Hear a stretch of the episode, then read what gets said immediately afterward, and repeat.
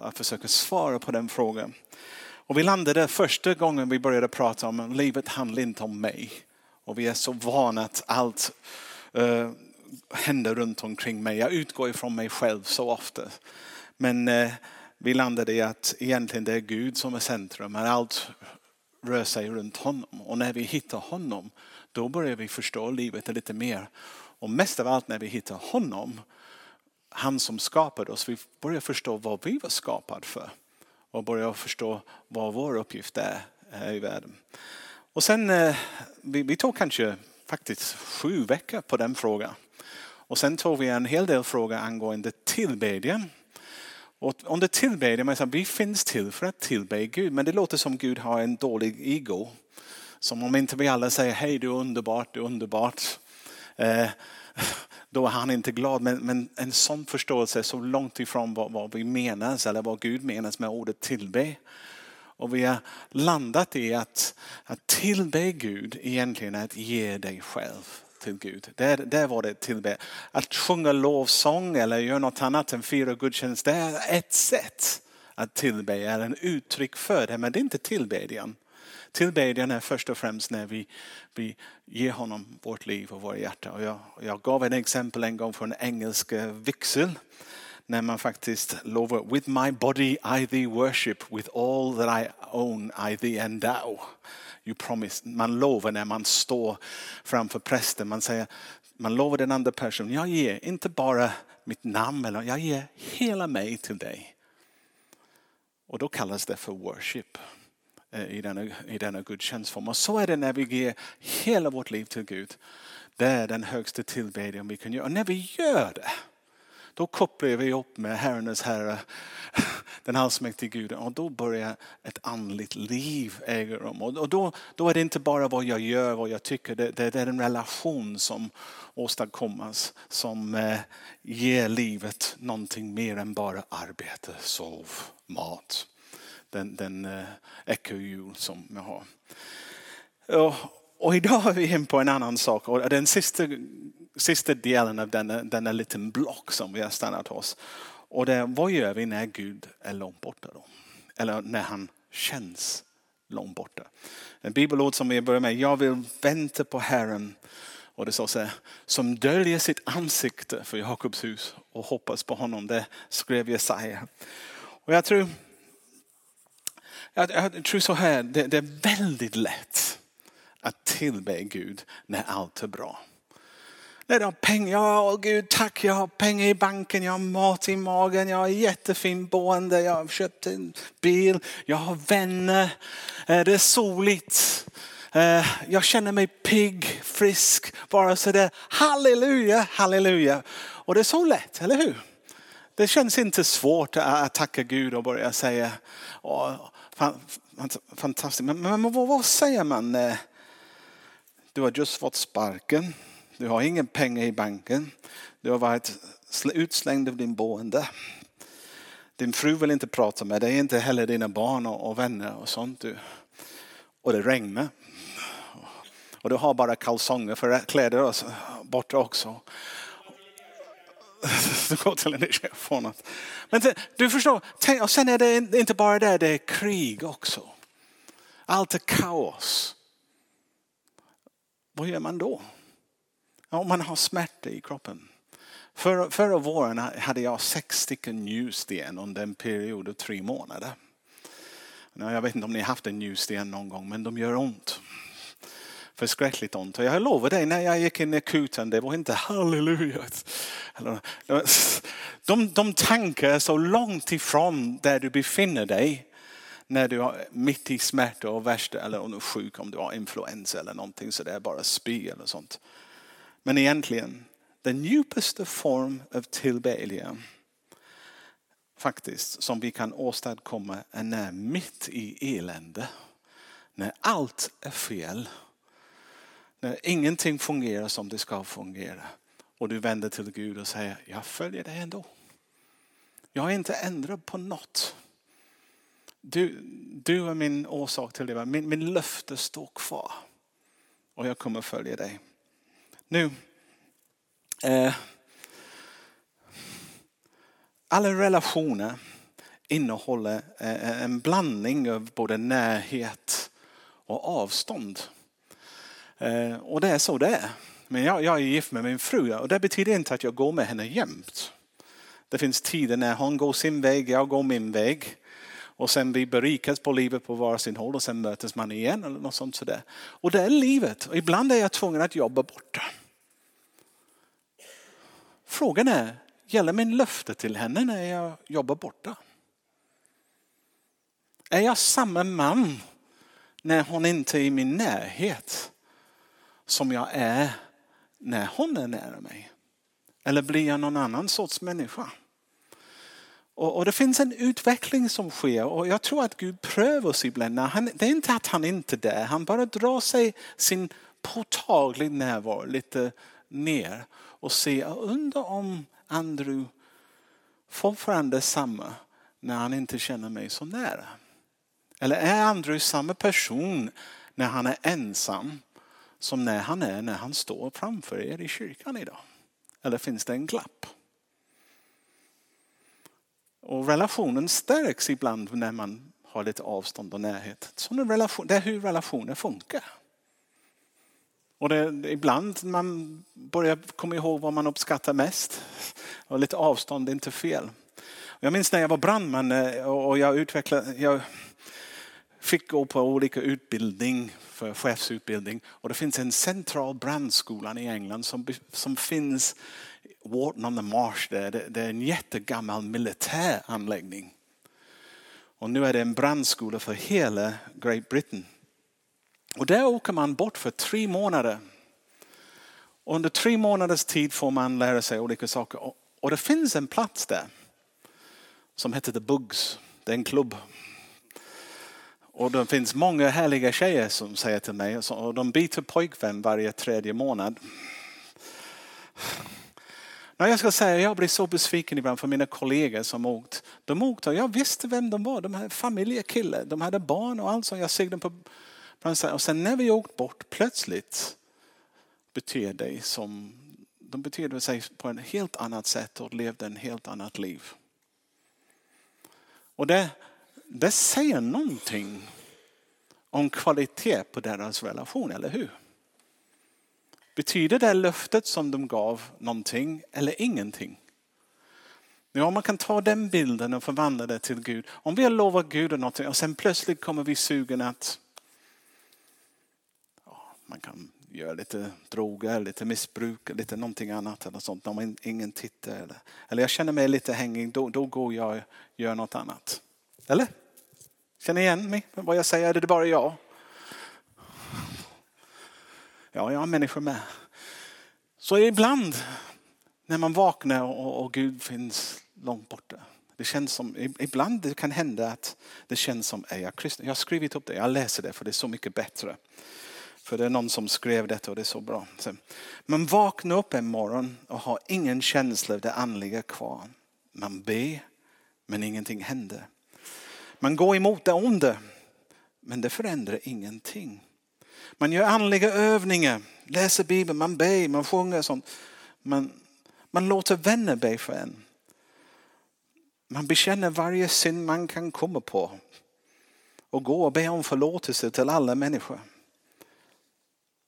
Man fastar men fortfarande händer ingenting. Man börjar undra hur länge denna andlig dimma ska ligga kvar. Dagar, veckor, månader. Kommer det någonsin att ta slut?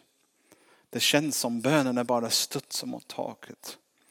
I djup desperation skriker man rakt ut. Vad är det för fel med mig? Så skrev en man som hette Floyd McClung. Denna förteelse som är, finns olika begrepp som beskriver det. Det är vanligt och jag ska säga alla människor går igenom det. Och jag vill att om du är kristen nu och du inte gått igenom det, jag lovar dig du kommer gå igenom fler sådana under livet. Perioder när du känner dig som Gud har lämnat dig. När du känner som det som du hade är borta. Den innerliga glädje, den innerliga liv som den helige ande känns som det var för en, en annan period. Och du kommer befinna dig där och du kommer tänka, vad har hänt? Vad har hänt? Och du kommer uppleva det som att Gud har lämnat dig och det har han inte gjort. Men det finns en utvecklingsfas i det och du kan inte mogna som människa. Du kan inte mogna som kristna innan du lär dig hantera de bitarna. De hör till faktiskt. Eh, eh, kristna liv. Några bibelverser, bara så du vet. David, han skriver i Psaltaren, det är ganska mycket. Vi har några verser här från eh, Herre, varför stannar du på avstånd och döljer dig i nödens tider? Skriver han där. En annan, nästa. Min Gud, min Gud, varför har du övergett mig? Jag ropar och klagar, men min frälsning är färgen. Eller han skriver så här. För dig Gud är min styrka. Varför har du förkastat mig? Varför måste jag gå sorgsen, trängd av fiende? Finns det en till eller var det där? Varför har du stött bort mig? Finns en annan också. Som kommer, jag är inte säker den är det. Det finns massor. Om du läser Psaltaren, du kommer märka att David som är sund människa, han försöker inte låtsas som det alltid halleluja. Jag är på toppen, seger, seger, seger, seger. Titta på mig, jag har mitt andligt liv fixat. Jag lever nära Gud, halleluja.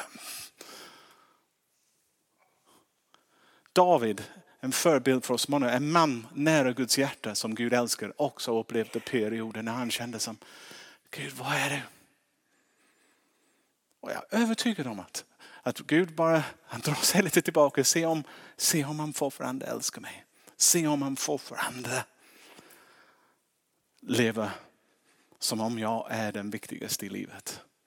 Och sen den kommer tillbaka och sen har han växt och säger yes, jag visste Gud att du fanns. Och flera av hans salten också när han skriver, ja jag var lite snabb där att säga det, visst är du här, visst är din omsorg total, halleluja. Han kom in i det och, och han klarar denna period.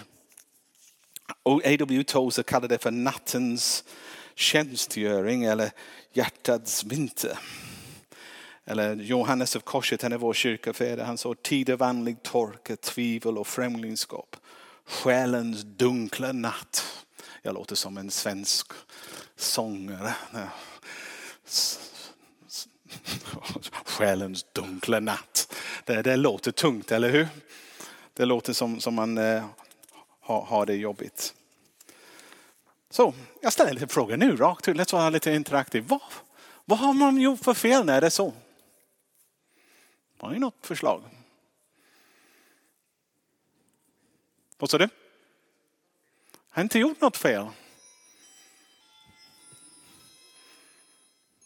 Jag håller med dig Mattis.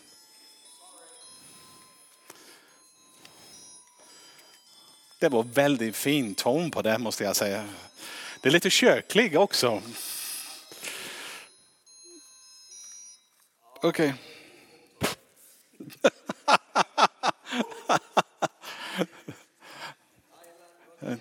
Detta är Linnékyrkan i en nötskal.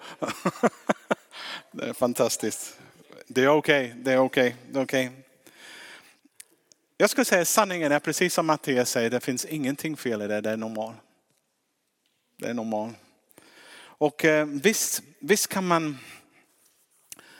man tänka att jag måste ha syndat eller, eller någonting hemskt på det, på det sättet. För det är sant om man, man, man, man gör fel och sånt, det skapar en avstånd från Gud. Och man, man, märker, man märker att den närhet som man brukar få inte, inte finns längre. Så, så det, är, det är klart att, att när vi gör fel eller sånt där, det, har, det påverkar vår Guds relation. Men det är inte alltid så att man har gjort något fel. När Gud känns lite långt borta. Det har ingenting med, med, med synd att göra.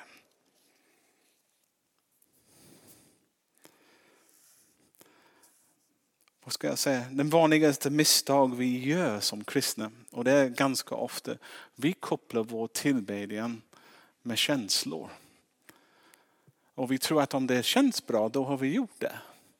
Och jag, jag ofta gånger möter när, när vi sjunger lovsång i kyrkan och folk säger, men jag kan inte sjunga härligt, fantastiskt Gud, för livet är kass just nu. Men har det med det att göra e-, egentligen? Vi tillber Gud för vem han är. Inte hur jag mår. Det har ingenting med varandra att göra. Tillbedjan är när vi tar ut vår överlåtelse. Lite grann som bara för att bara för att det inte känns så just nu, det har ingenting med det så, så vi kan tillbe, det spelar ingen roll om man är hungrig, mätt, om man har inga pengar, eh, hur det är, vilken tillstånd du kom in eh, till kyrkan eller du vill tillbe. Du kan tillbe Gud för vem han är oavsett allt annat. Men när vi kopplar det till en känsla kommer det bli förödande. De känslor kommer, ja, de kommer vägleda oss helt fel ibland. Eh.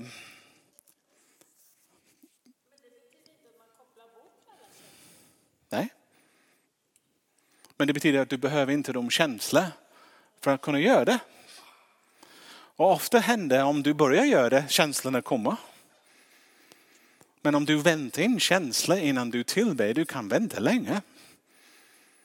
Men om du börjar bestämma dig för att jag älskar Gud faktiskt. Så jag kommer säga det. Jag kommer ge mig och jag kommer ge henne också i min tillbedjan. Och den plötsligt kommer känslorna. Det är lite grann som med oss människor ibland. Vi inte gillar varandra men om man bestämmer sig för att gilla dem och börjar leva som man gillar dem, plötsligt man gillar dem. Eller? Stackars människor som styrs bara av känslor. Det är en belastning. Förlåt, jag skulle inte säga det. Jag tänker på alla konstnärer, själar som gör underbara konstverk. Ibland de har det tufft. Men även en kristen kontext kan man läsa men det är en känsla, det är en sak och de är viktiga och de påverkar mig på ett visst sätt. Men min Guds relation påverkas inte hur jag mår. Min Guds relation, Gud har lovat att vara med mig alla dagar till tidens slut och jag räknar att han är det. Och jag tackar honom och jag ber honom till honom. Punkt slut.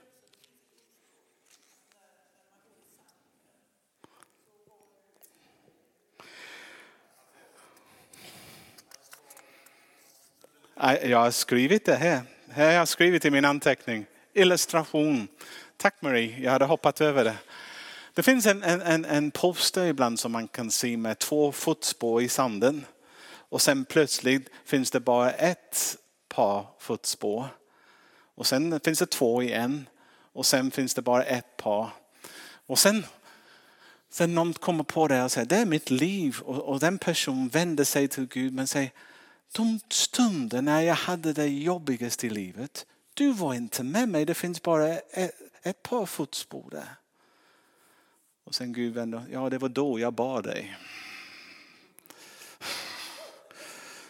Det var då jag bad dig. Eh, Så det går. Så det, det är en väldigt bra liknelse av det. Men eh, jag, tycker, jag tycker några av de starkaste exempel på tillbedjan hittar vi i Bibeln. Och en av dem är Gamla Testamentet och det är Jobb. Har ni läst Jobs bok? Det är en jobbig bok om ni inte läst det. Det är en bok av en man som har allt men plötsligt kommer någon eh, bandit och tar död på alla hans tjänstefolk, rövar alla hans eh, djur och sånt. Hans hus faller ner eh, på sina barn och dödar barnen. Och livet blir bara elände efter elände. Och han täcks av, av eh, vad är det, bulder? Eller bölder och han, hade så, han klär så mycket som han försöker skrapa sig med lera för sig. Han är i fruktansvärd tillstånd. Och han säger så här i Jobb kapitel 7, vers 11. Eh, Därför vill jag inte lägga band på min mun. Jag vill ta det jag vill tala i min andes ångest. Jag vill klaga i min själs bedrövelse. Har jag skrivit fel? Jag har skrivit så här. Han föll på knä och sade, naken kom jag ur min moders liv. Naken vände jag åter. Herren gav, Herren tog. Lova bara hans namn. Fattar ni det? Mitt i livets värsta stunden säger han lovad vara Herrens namn. Och berättelsen handlar om att eh, djävulen försöker få honom förbanna Gud och dö. Och till och med hans kompisar försöker säga just, just förbanna Gud och dö. Men han säger nej. Han vägrar. Mitt genom allt elände, han vänder sig och säger jag tillber min Gud. Och till och med säger, han är god. Han sa inte, men varför låt han göra allt detta till mig? Varför händer det där? Varför händer det? Han bara säger, lova bara. Det är Herren. Han får bestämma. Han har tillåtit detta hända mig. Det måste finnas en anledning till det. Jag väljer att hålla mig trogen och lova honom. Det är starkt. Skulle du göra det? Jag är inte säker att jag skulle göra det. Jag hoppas det. Hoppas det. Och det är på den nivån, trots att det är kris, trots att allt är rasar, trots att du kan säga, han, han, han hade sorg. Flera av dem han älskade mest i världen hade dött. Ändå säger han, lova Herren. Jag är med dig. Jag gav mitt liv till dig. Jag håller ut. Och sen berättelsen ändrar att Gud ger tillbaka massa, mycket mer än vad han hade i början. Men vad kan vi göra rent praktiskt? Jag lovar att vara kort idag också. Vad kan vi göra rent praktiskt när Gud känns långt borta? En av de första saker som vi kan göra, som är väldigt enkelt egentligen, är att säga det. Gud tål att man klagar på honom. Han älskar det till och med när vi är ärliga och äkta. Eh, jag, jag, hade en vana under många år att skriva ner min klagan. En gång jag var så lätt. Jag ska berätta hur det gick till. Jag, jag bodde ensam. Jag hade en, en lägenhet och eh, allt var ganska bra. Men jag tänkte lite trist. Det finns, det finns ingen folk och jag har inte tillräckligt mycket socialt liv.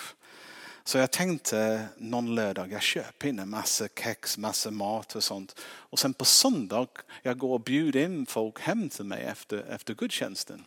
Och sen ska vi ha lite fest tänkte jag. Så jag köpte massa grejer, förberedde mitt lägenhet för fest och sen efter gudstjänsten gick jag runt och frågade, vill du hänga med hem till mig? Och de sa, ja gärna men jag har någonting annat. Ja, gick till den nästa, vill, vill du hänga hem till mig? Och sånt, så där. Tyvärr måste jag gå. Och, och efter kanske den tjugonde personen som jag hade frågat, vill ni komma hem till mig? Och jag fick en nej var jag ganska knäckt skulle jag säga. Och, och till slut gick jag hem ensam. Och eh, satt, tittade på alla mat jag, som jag måste slänga eller någonting. Jag visste inte vad jag skulle göra. Och jag, jag, jag, jag sa till Gud, du har lovat mig ett liv i överflöd. Det känns inte så överflödigt just nu. Och vad sa du? Okej, okay. tack så mycket. Emil har alltid rättat till mina detaljer, inte en av mina grejer. Och bibelverser grejer, det, det, är svårt ibland. De kommer. Men jag skulle säga, den, den kvällen gjorde jag någonting som jag praktiserade länge efter det. Och det var jag började skriva ett brev till Gud. Och jag började skriva Gud, Gud jag tycker detta är jättejobbigt. Ditt ord säger om jag ger dig, för du kommer ge mig ett liv och liv i överflöd. Det känns inte som jag har ett liv i överflöd just nu, det känns helt kass. Och jag är ganska frustrerad. Och jag skrev ut mitt hjärta. Och sen, sen började, under tiden jag skrev det, jag plötsligt bara, men, men det är inte så kass egentligen. Gud har gjort lite si och så. Och jag började tacka, men tack för det. Och, tack. och sen jag när, när avslutningen jag säger Gud, men du vet ju att jag kommer inte överge dig. Jag, jag, jag älskar dig. Och, och, och jag följer dig och sen plötsligt hamnade jag i lovprisning. Och jag behöll det brevet under många år. Jag bara tappade när jag flyttade från Vargön till Stockholm faktiskt. Det var då jag tappade Men varje gång jag läste, det var min egen saltare. Och jag kunde se det från frustrationen hur när jag började vända min frustration till Gud istället för att klaga till alla andra runt omkring mig. Någonting började hända. Och sen åt slutet av brevet, det var ren lovprisning och överlåtelse. Och så händer om vi har någonting som vi ser vi orättvist behandlade av Gud, ta det med honom. Det kan bli början till eh, en lösning och det kan vända, vända dig i, i livet. Sen den andra, vi kan fokusera på Gud istället för allt det som inte är rätt. Vi kan fokusera på svält, vi kan fokusera på att jag har inget jobb. Jag kan fokusera på att det är bara jobbigt på jobb. Eller, eller vi kan börja tänka på, de skriver på en massa bibelverser och sånt. Att påminna oss att Gud är kärleksfull, han är allsmäktig. Att han ser allt som händer i mitt liv. Att han har allt under kontroll. Att han har en plan för mitt liv. Och att Han kommer att rädda mig. Alla de har jag tagit från jobb. Jobb 10 och jobb 42. Han, hans försvar. Som att det går. Och sen kan vi lita på de löften som Gud har gett. Speciellt under tiden av prövning och andlig torkan, tvivel. Att luta sig mot Guds löften. Han kommer leda dig i en djupare relation. Vad han har lovat. Och det är egentligen ibland allt som behövs egentligen att man väntar in honom. Och inte gå i förtvivlan. Bara för att det börjar bli jobbigt. Man bara springa gå i panik. Bara lugna sig ner. Gud är trofast. Jag har gett honom mitt liv. Han är stort nog att bära mig. Han är stort nog att fixa det som ingen annan kan. Jag har ingen bättre jag kan vända mig till. Ingen annan kan lösa saker som han kan lösa det. Och bara vila i det. Och låt honom gå.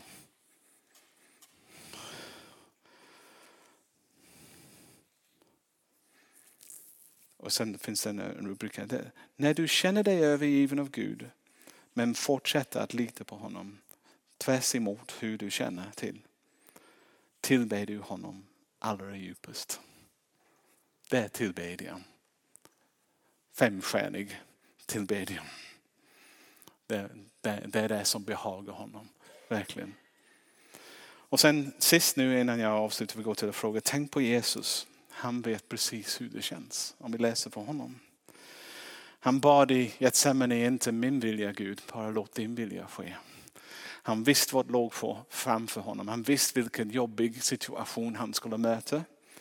Men han, han överlät sig. Han tänkte Gud, om det kommer bli jobbigt, jag kommer sticka.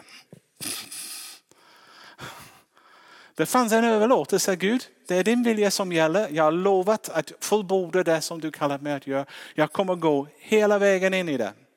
Om, om det är det som behövs. Och han gjorde det. Och när han gick hela vägen in, han kom till den punkt som mitt i den när han tog hand om alla våra synder, alla våra fel, alla press var på honom. Vad gjorde Gud? Han drog sig undan. Lämnade honom där lite. Och han ropade, min Gud, min Gud. Och sa han, varför har du övergivit mig? Gud hade inte övergivit honom. Men han var tvungen att gå igenom detta. För om inte Jesus gjorde vad han gjorde kunde inte vi få den frihet som han skulle vinna. Så Jesus ledde Gud in i den sista. Och, och tillbad Gud in i den sista. Till och med, till och med även när han korsfästs, en smärtsam död, dör på ett kors, när han sticker spjut i honom. De har satt en törnkrans på honom, han hängde där och, och dör. Hans sista ord är Fader förlåt dem. De vet inte vad de gör. Det är ett liv i tillbedjan. Och det är han som vi ska följa, eller hur? Och det är han som vi kan få vår inspiration. Jag skriver Jesus gav upp allt för att vi skulle få allt och dela hans härlighet.